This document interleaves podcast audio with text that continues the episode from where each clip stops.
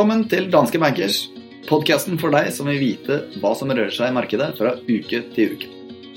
Mitt navn er Fredrik Ask Stensrud, og i dag så har jeg faktisk med meg vår sjefstrateg i studio her i Oslo. Velkommen, Christian. Tusen takk. Du, I dag så vil jeg gjerne fortelle deg om eh, litt fakta om Portugal. Som er hentet inn av min eminente researchmann Hanne Skjæveland. Portugal de produserer mest kork i verden, faktisk 70% av verdens korkeksport. Eh, det er den eldste nasjonen i Europa, og de har hatt samme grensene siden 1139.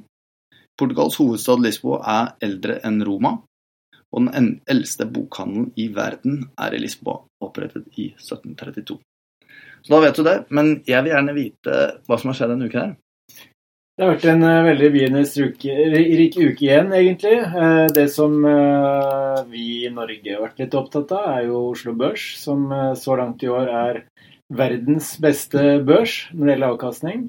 Vi har hatt et rentemøte i USA hvor Fed hever styringsrenten.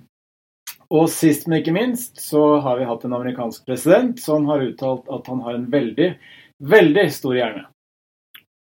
Hvis vi aller først ser litt på Oslo Børs, så er Oslo Børs eh, faktisk opp eh, ja, litt i underkant av 16% så langt i år. Og det gjør jo at Oslo Børs, hovedindeksen, er bedre enn f.eks.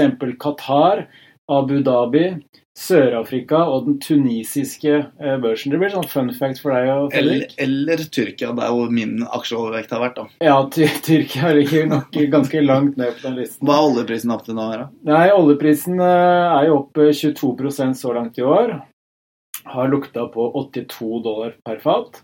Eh, så man kan si at eh, av den oppgangen som vi har hatt på Oslo Børs i år, så står energisektoren for rundt eh, to tredjedeler. Og når nesten 39% av markedsverdien på Oslo Børs er energisektoren, så er det ingen tvil om at det er en viss sammenheng mellom oppgang i oljeprisen og veldig god utvikling på, på Oslo Børs.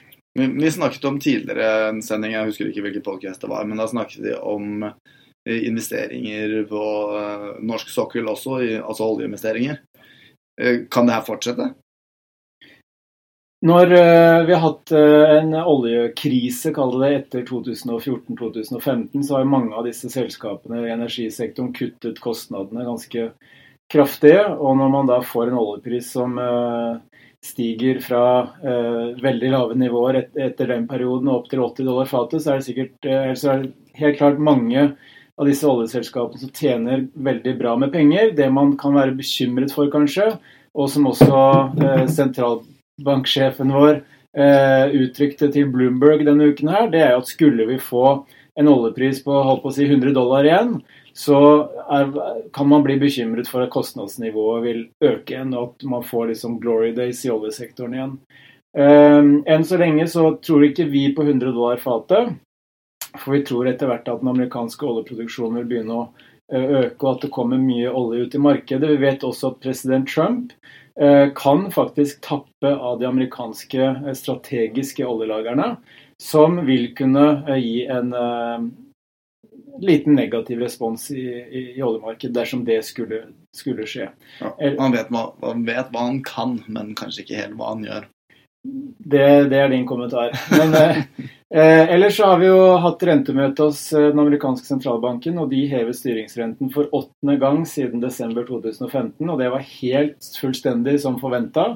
Så ingen overraskelser, egentlig. Rent, styringsrenten i USA ligger nå i båndet mellom 2 og 2,25 eh, Og de signaliserer ytterligere en renteheving i desember og tre rentehevinger neste år, og én da i 2020. Og det som er mest spenning knyttet til, det er om Fed egentlig har kontroll. Fordi de sier jo at det er vanskelig å navigere i den økonomiske situasjonen som man er i.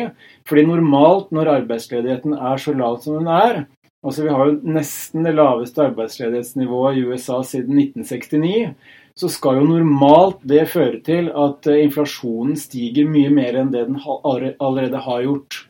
Og når man da forventer at Litt sånn pga. Eh, Trump sin veldig ekspansiv finanspolitikk også, hvor, hvor det liksom fyres oppunder en allerede gans, ganske het uh, kasserolle, uh, så er det grunn til å tro at uh, inflasjonen vil kunne stige kanskje mer enn det sentralbanken har lagt til grunn, og at det kan gi en høyere rente enn det finansmarkedene og økonomien er komfortabel med.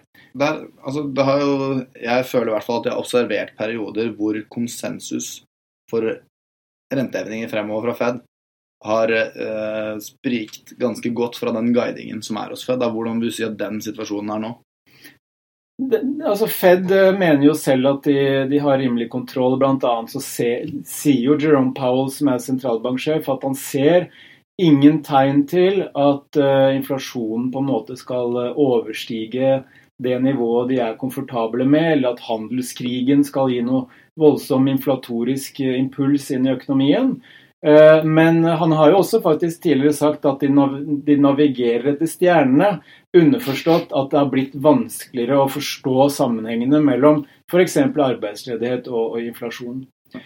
Så, men, men, men, vi ser egentlig på dette som en av de kanskje store risikofaktorene fremover. fordi Skulle man få en inflasjonsoverraskelse og vi får en renteoverraskelse, så vil det kunne skape litt trøbbel for finansmarkedene. Ja, siste og viktigste punkt da for denne uken, det var Det var eh, Trumps veldig, veldig, veldig store hjerne.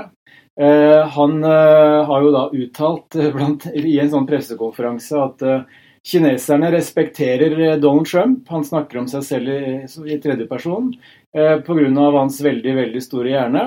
Og man kan jo begynne å lure på hvor utrolig mye han egentlig rekker over i løpet av en kort periode. For i løpet av de siste to ukene da, så har han jo bl.a. lagt skylden på eh, OPEC for de høye oljeprisene, noe som virker litt spesielt, siden det er han som har vært veldig ivrig på å innføre sanksjoner mot den iranske oljeeksporten, som kanskje har vært en viktigere driver til den, den viktigste grunnen til den oljeprisoppgangen vi har sett nå.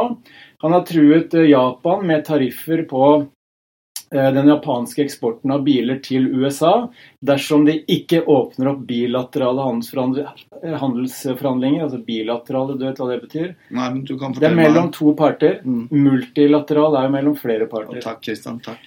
Eh, og nå har jo Japan, Japan riktignok inngått i dialog med USA, men det er jo liksom en veldig spesiell måte å invitere til en prat på. Eh, I tillegg så har han sagt at han ikke liker at eh, den amerikanske sentralbanken hever styringsrenten. Eh, og det er jo brudd på en mer eller mindre uskreven regel at amerikanske presidenter ikke skal blande seg inn i pengepolitikken.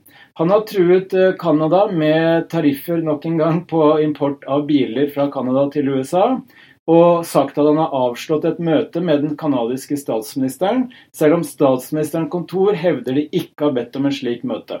Så denne uforutsigbarheten den bidrar også til lite fremgang i handelskonflikten med Kina.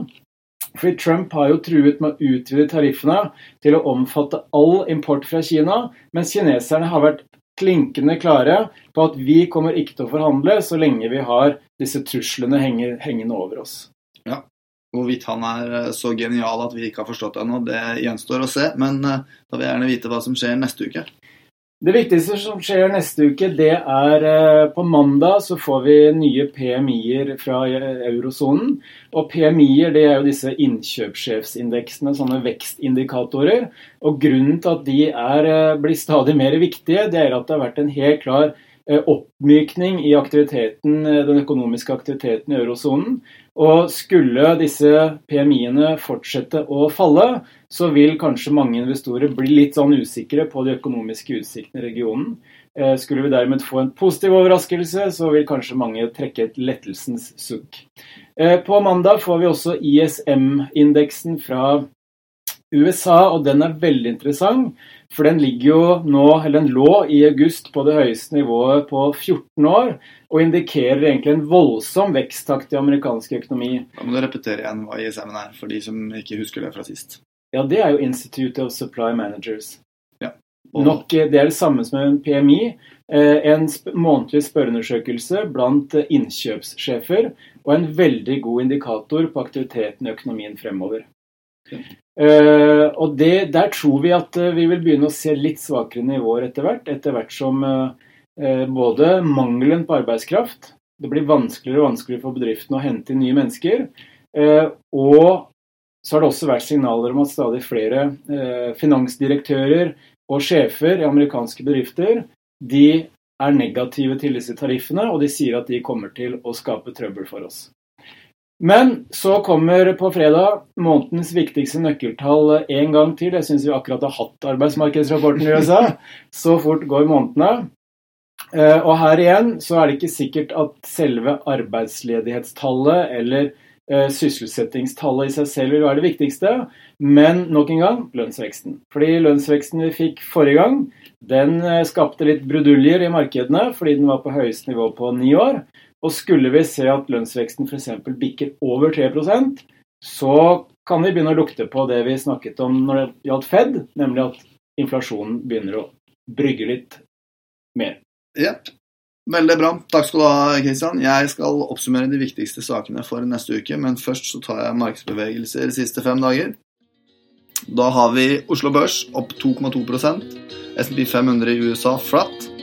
Eh, Eurostock 600 flatt, og oljeprisen opp 3,8% De tre viktigste sakene i neste uke er eh, PMI fra eurosonen på mandag klokka ti. Vi får ISM fra USA på mandag klokka fire, og vi får arbeidsmarkedsrapporten eh, fra USA på fredag klokken halv tre. Det var alt vi hadde i ukens Bankers. Vi høres.